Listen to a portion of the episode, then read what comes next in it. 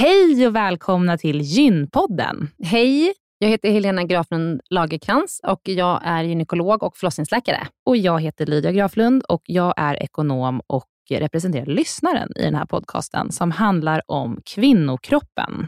Det är vetenskaplig fakta om kvinnokroppen och det du hör i den här podden är det som man kan höra om man får träffa en läkare eller en barnmorska i ett eh, möte. Men ibland så bjuder vi in gäster som berättar om sina personliga erfarenheter och ibland är det också spekulation, men då är det verkligen tydligt att det är spekulation. Annars är grunden för den här podden vetenskaplig fakta om kvinnokroppen. Så är det. Hoppas att ni vill lyssna. Välkomna. Välkomna.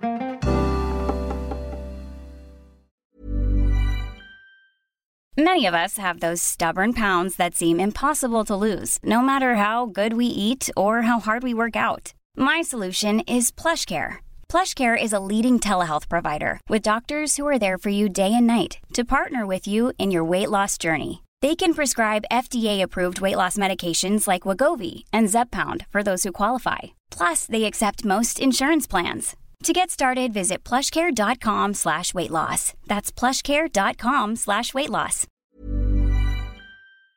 Den här veckans avsnitt av Gynpodden är sponsrad av Care. Och Helena, det är ju det bolaget, vårdbolaget, som du och jag har varit med och startat, där vi erbjuder digitala vårdmöten med specialister inom kvinnovård. Precis. Och vi vet att det är väldigt mycket vårdpersonal som lyssnar på Gynpodden, vilket vi är jätteglada för. Och vi behöver alltid fler gynekologer till STKR. Så därför vill vi nu göra en shout-out till alla er som lyssnar där ute som vill vara med och förändra svensk kvinnovård.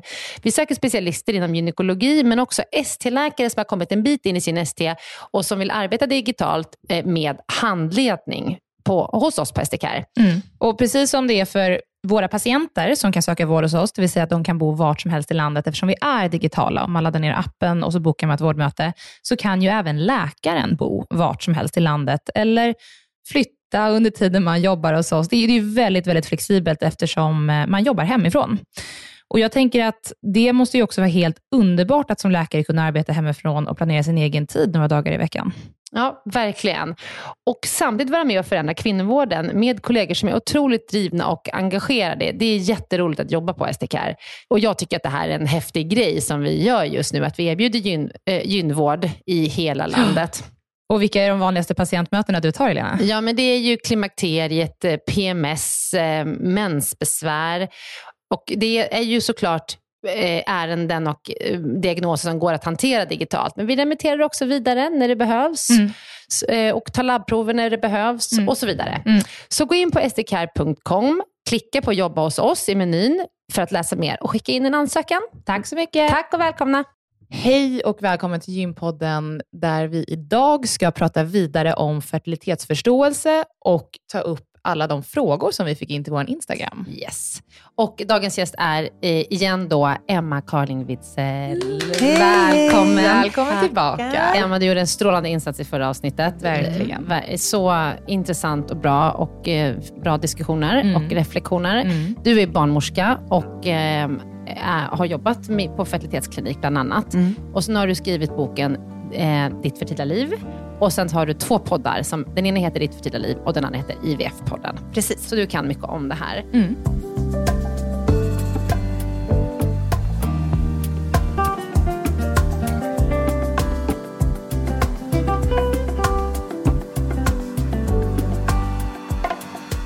Och eh, det vi, jag tänkte bara liksom för att knyta ihop säcken lite från förra avsnittet, så det vi pratade om efter att liksom inspelningen var klar, det var liksom att vad orsakar ett sånt här eh, poddavsnitt för eh, liksom känslor hos våra lyssnare? Mm. Eh, du hade lite åsikter, eller liksom lite tankar om det Lydia? Ja, men jag tror att vi, hade, vi har lite olika perspektiv, där jag ju inte ser på det utifrån liksom det medicinska perspektivet eller hur eh, fertilitet egentligen fungerar, utan jag ser det mer utifrån det psykologiska perspektivet. Och det liksom psykologin i att eh, man gärna vill ha barn, men man har kanske inte hittat rätt partner och så blir man döstressad när man lyssnar på att eh, chansen att bli gravid eh, minskar jättesnabbt efter 35 till exempel. Och då pratade vi lite om hur man, hur man kan se på det här och där jag, eh, ja, men där jag har liksom haft, varit av uppfattningen att Ja, men den går ner, men du kan få hjälp. Och där menar du då, Emma, att det kan man, men det är bra om man tänker till. Vill du Ja. berätta lite mer liksom, kring ditt resonemang där? Mm. Att man vet att fertiliteten går ner efter 35 innebär ju inte att efter 35 är det kört för varenda kvinna. Nej. Nej, utan det är ju massvis med kvinnor som föder barn, många barn också, efter 35. Så det betyder ju inte att man tänker så här, nu är det tvärkört. Utan det man ska göra är att man ska tänka till. Mm. Eh, och det vi pratade om då också, det var också så här, man ska tänka till vilken typ av familjebild man vill ha. För det tycker jag kan vara viktigt att det spelar in. Och sen behöver man hjälp, då ska man också komma ihåg att det har ju inte bara att göra med att jag, så här, jag har fyllt 38, utan det finns ju kvinnor som är 30 som också behöver hjälp. Så det är inte alltid bara åldern som spelar in i ibland problematiken att få Det är barn någon på egen hand. medelsnittsålder bara. Ja, och så finns och det att- ju ja, det båda finns- håll. Ja, det finns ju andra fertilitetsdilemman Mm. och det har ni ju liksom gjort avsnitt om också. Så att man ska komma ihåg att, att åldern är ju inte liksom enkom en faktor och det finns också massor med äldre kvinnor. Jag menar, det har historiskt funnits kvinnor som är 48 år och får spontant barn.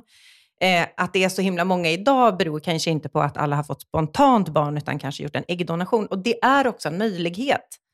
Och det vi pratade om i förra avsnittet, det var ju att det finns också, när vi säger så här, ja, men det finns massa hjälp att få. Ja, det gör det ju. Mm. Och det gäller bara att man måste kanske öppna sitt sinne för att det finns alternativa vägar. För att vi är väldigt skolade i liksom kärnfamiljstänket. Och det är också en strävan vi väldigt många har. Mm. Eh, och när vi liksom hamnar i den här stressfaktorn som du pratade om, Mm. just där man har man kanske är ensam och man, det, förhållandet man haft i åtta år har för, liksom tagit slut och nu är jag 35 och hur ska det här bli? Det är kört Mm. för mig. Mm. Svaret är absolut såklart att det är absolut inte kört bara för att det har inträffat. Mm. Men det, liksom, det går inte att frånta det faktumet att åldern har en betydelse. Mm. Men det behöver ju inte betyda att det påverkar varenda liten kvinna överallt, att det kommer att vara kört. Mm. Eh, så att vi ska väl ha en viss, liksom, vi ska ha ganska stor förhoppning i, för det, tittar man på så här fertilitetssiffror, till exempel hur många som föder barn, men då säger man så att eh, till exempel på IVF-kliniker säger man att ungefär 70 procent av de som, som, som kommer dit får det barn de önskar. Ja. Men så att i slutändan så är det ju i princip alla som vill ha sina barn är ju lyckligt lottade föräldrar efter ett tag. Men en del kanske får kämpa lite mer på vägen dit. Just det. Ja, Ja, nej, men det, är bra, det är bra sammanfattat tycker jag. Ja. Och, ehm, nej, att man ska ha respekt för att man har ett fertilt liv. Och Ja. att eh, det är som du säger, att det är klart att det går ju ner eh, vid en viss ålder. Men eh, jag vill bara ingjuta lite. Men jag kan ingjuta jättemycket hopp. ja, För att de allra flesta är ju, stöter ju inte ens på Carolina och de andra IVF-klinikerna. Nej, de går inte ens till Helena och gör en utredning, utan de flesta får ju de barn de vill ha, mm, faktiskt. Mm. Så att eh, jag tycker man ska vara glad och nöjd, men jag tycker att det kan vara klokt att man börjar tänka efter. ja. Ja. bra.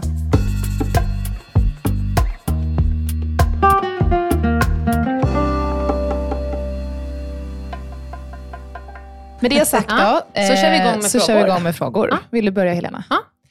Eh, kan ni ta upp sekundär barnlöshet? Vad Kan vi är börja det? fråga, vad är sekundär barnlöshet? Sekundär barnlöshet, det, det betyder att eh, Anna har fått sitt första barn utan konstigheter och så vill Anna ha ett syskon till sitt barn och då stöter hon på patrull och lyckas inte. Och i slutändan så ringer hon en fertilitetsklinik för att få hjälp. Och då kan man säga att hon är drabbad av någon slags sekundär barnlöshet. Och sen är det så att på IVF-kliniken där så kanske hon får hjälp och så får hon sitt barn och så har det hela löst sig. Så att ibland kan ju sekundär barnlöshet vara liksom någon slags språng emellan barn, barnen, så att säga. Men vad finns det för anledningar? Ja, vi har ju bland annat åldersfaktorn då. Eh, och sen kan det ju vara såklart, all infertilitet och fertilitetsproblematik bygger ju inte bara på att kvinnan har problem, utan det är ju jättelika ofta mannen.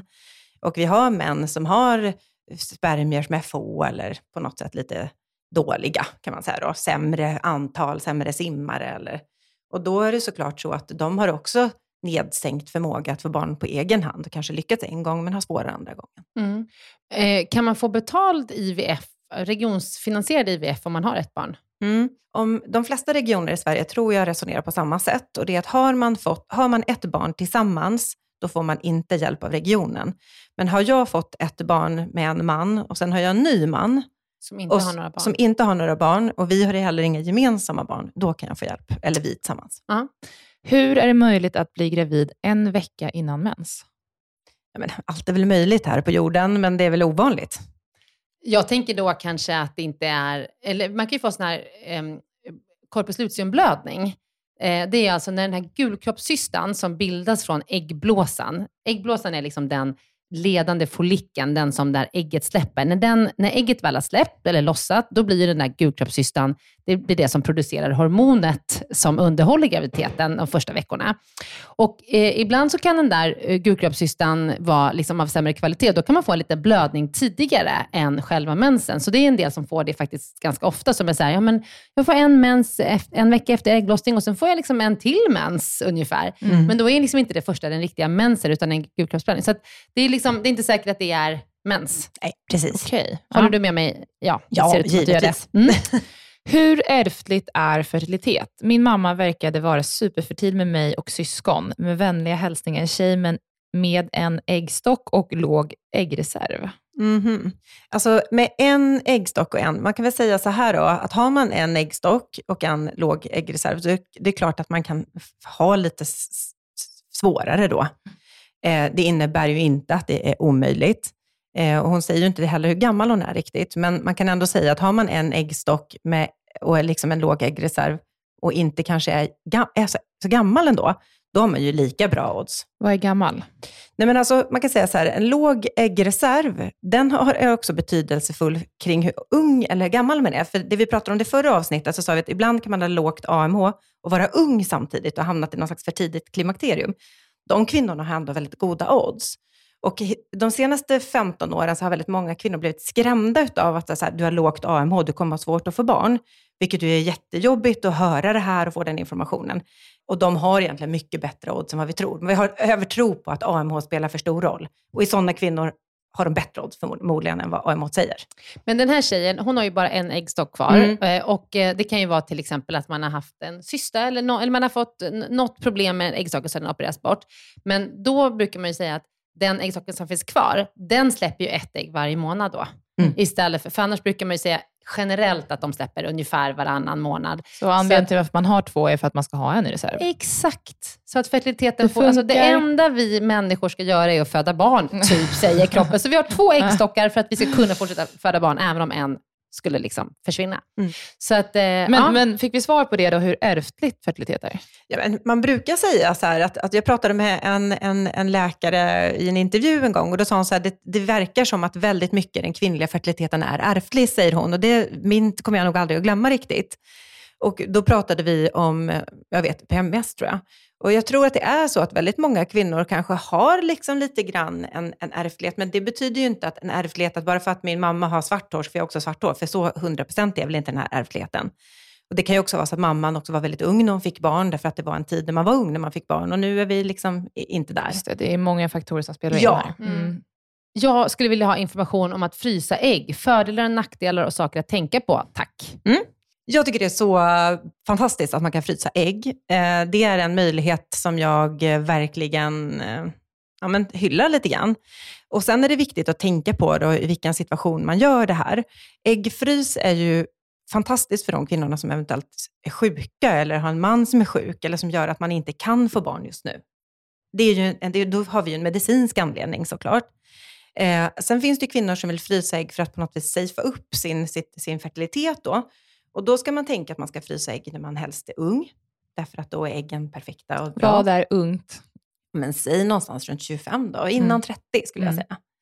Eh, kan, det är ju många kvinnor som fryser också efter 30. Mm. Men, men man kanske inte ska tänka att, för det är ganska dyrt att frysa ägg, det måste vi ändå erkänna. Och då lägger man väldigt mycket pengar och sen är man liksom 37, då är det lite, kanske inte riktigt, liksom, det kanske inte riktigt motiverar de pengarna.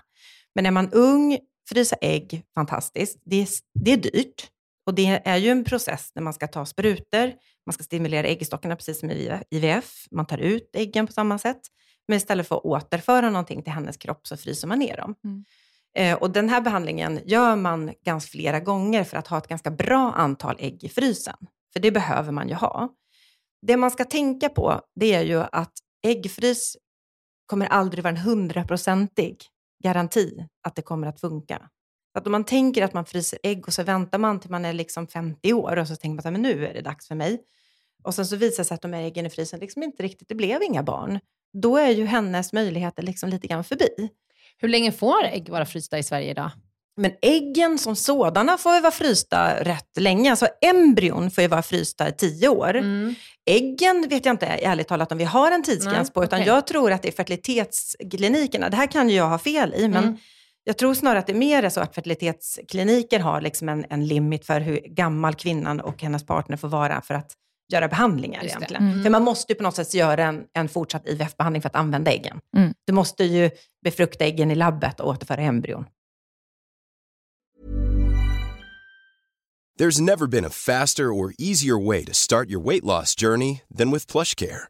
PlushCare accepts most insurance plans and gives you online access to board-certified physicians who can prescribe FDA-approved weight loss medications like Wigovi and Zepbound for those who qualify. Take charge of your health and speak with a board-certified physician about a weight loss plan that's right for you. Get started today at plushcare.com slash weight loss. That's plushcare.com slash weight loss. plushcare.com slash weight loss. Even when we're on a budget, we still deserve nice things. Quince is a place to scoop up stunning high-end goods for 50 to 80% less than similar brands. They have buttery soft cashmere sweaters starting at $50, luxurious Italian leather bags, and so much more.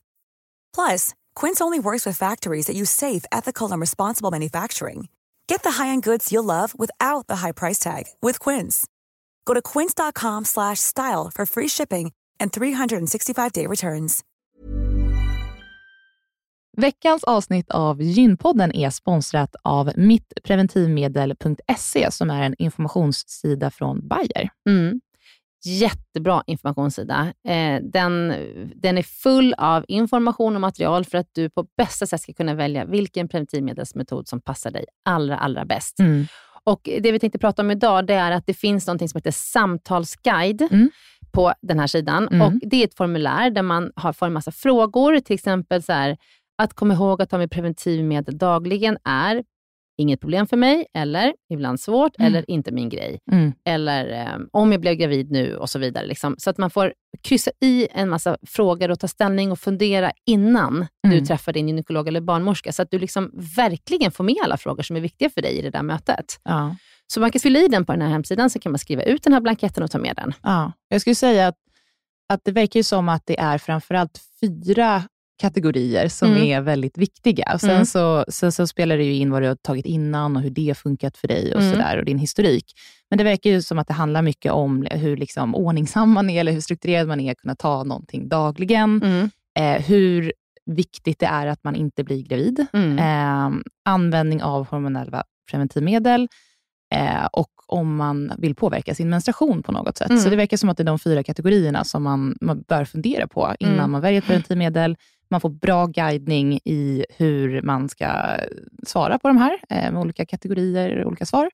Och Sen så tar man med sig det till sitt möte med barnmorska och gynekolog och då är man väl förberedd. Mm. Och Jag lovar er att om ni gör det här innan ni går eh, till en barnmorska eller gynekolog, då kommer ni få mycket bättre hjälp. För att det här är liksom ingenting som bara finns i en, utan man måste liksom fundera lite på Ja. så här, vad är viktigt för mig. Vill jag ha mens eller inte? Ja. Och så vidare. Så att, gå in på mittpreventivmedel.se och titta runt där och gör den här eh, ja, samtals, samtalsguiden. samtalsguiden.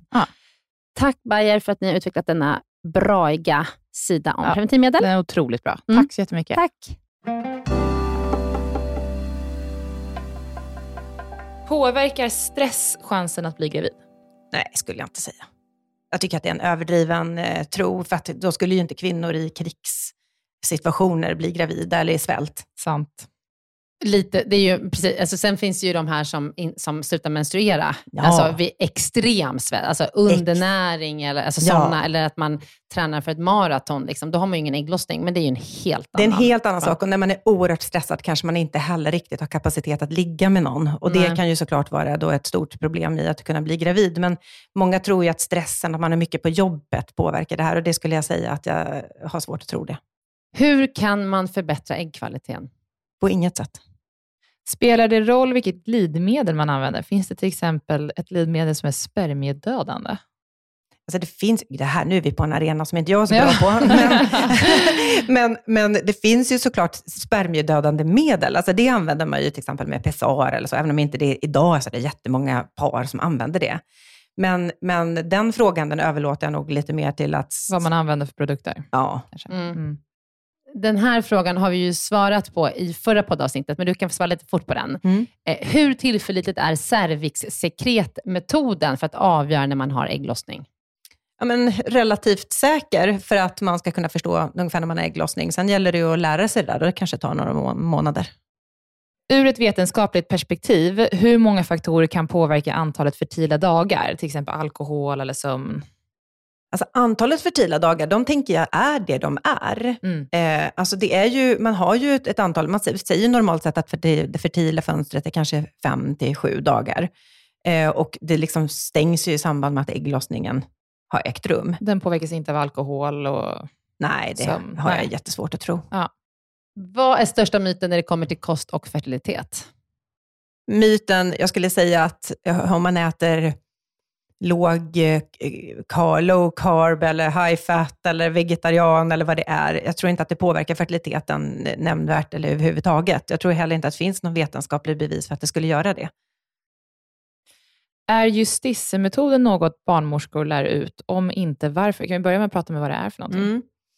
Alltså det är ju en hel liksom, skola i, och framförallt den bygger ju egentligen på att man ska lära sig sitt, sin cykel, det vill säga att man ska förstå i vilken dag av cykeln, vilket liksom, sekret eller så här, vilka flytningar man har. Och utifrån det förstå var, hur man ska hantera sin fertilitet. Alltså vill jag bli gravid, vill jag inte bli gravid? Och alltså, det är väl inte jättemånga barnmorskor, det finns väl ett litet antal i, i Sverige eller i världen som, som använder sig av den här skolan. Jag tror att den är så himla avancerad därför att det kräver någon slags perfektion ifrån kvinnan som använder den. Och det kräver också en exakt cykel på ett sätt som ja, men kan vara lite svår idag att liksom lista ut och lösa. Och jag tror också att många kvinnor, det är inte jättemånga kvinnor som efterfrågar det i slutändan, för det, är väl ett, det krävs ganska mycket engagemang på något sätt.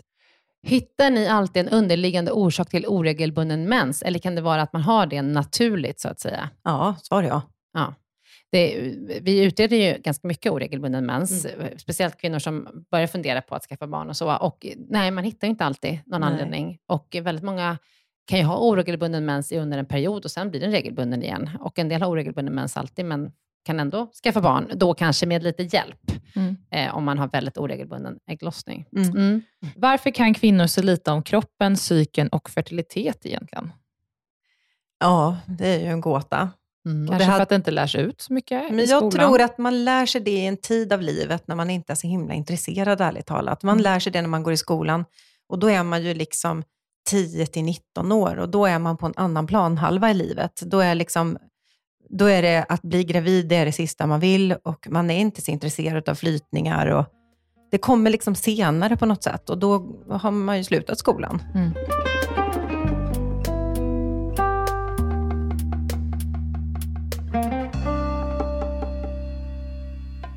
Här här är inte en fråga, men åh, jag vill veta allt, jag försöker bli gravid. men då tänkte jag att du ska få svara på nästa fråga. Kan inte du berätta om boken du har skrivit, Ditt fertila liv? Jo, absolut. Eh, jag och Carolina som är gynekolog och fertilitetsläkare på eh, Sofiahemmet här i Stockholm, vi har ju under ja, 15 år här försökt lista ut hur vi ska hjälpa kvinnor att bli bättre på att förstå sin fertilitet. Eh, vi har pratat fertilitetsbussar och till slut så startade vi IVF-podden för ganska många år sedan. Eh, Och sen fick vi en förfrågan om att skriva en bok eh, och den boken ville fler förlag vara med och skriva. Och i slutändan så skrev vi den boken tillsammans med Norstedts. Eh, Just därför att vi tänker att det behövs finnas en bok hemma hos kvinnor som de kan bläddra i lite av och till i livet.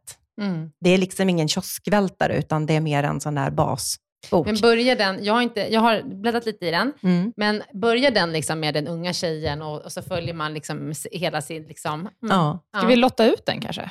ja, det vore fantastiskt. Ja. Vi lottar ut ett, avs- eller ett eh, exemplar av ditt Mm. fertila liv, vad kul. Mm. Eh, Men sen, en annan fråga här till dig, Emma, som jag tycker är lite spännande. Vad tycker du om professionens kunskap om fertilitet i stort idag? tycker den är ganska dålig. Ja, jag På att vilket, den är på vilket sätt då? då?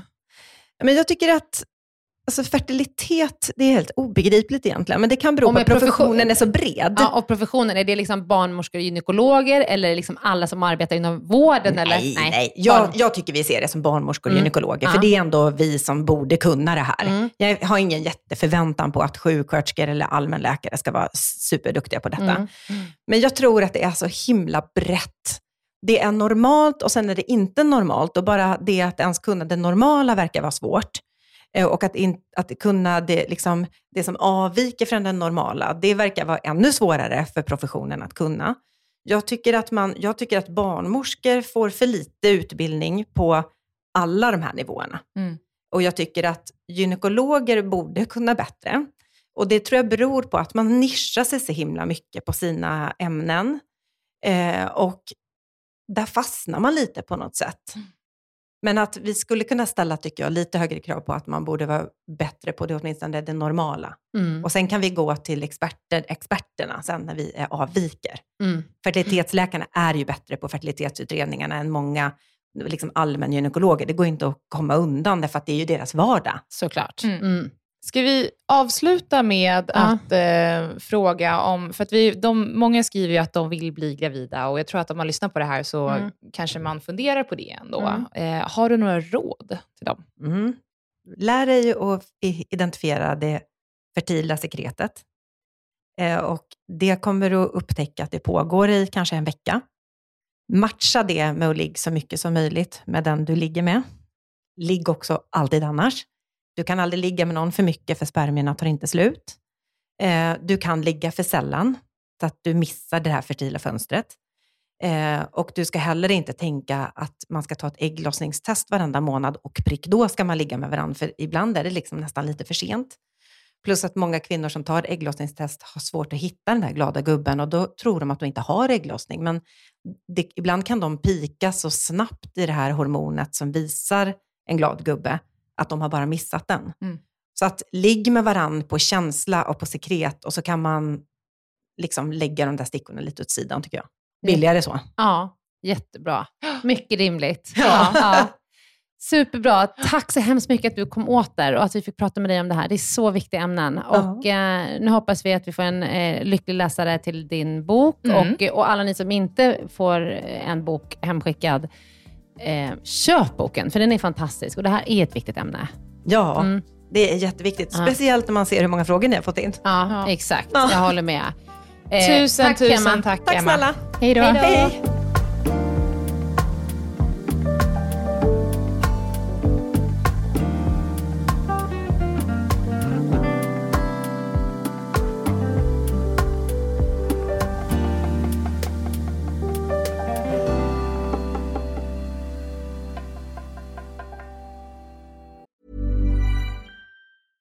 Planning for your next trip? Elevate your travel style with Quince. Quince has all the jet setting essentials you'll want for your next getaway, like European linen, premium luggage options, buttery soft Italian leather bags, and so much more. And is all priced at 50 to 80% less than similar brands. Plus, Quince only works with factories that use safe and ethical manufacturing practices. Pack your bags with high-quality essentials you'll be wearing for vacations to come with Quince. Go to quince.com slash pack for free shipping and 365-day returns.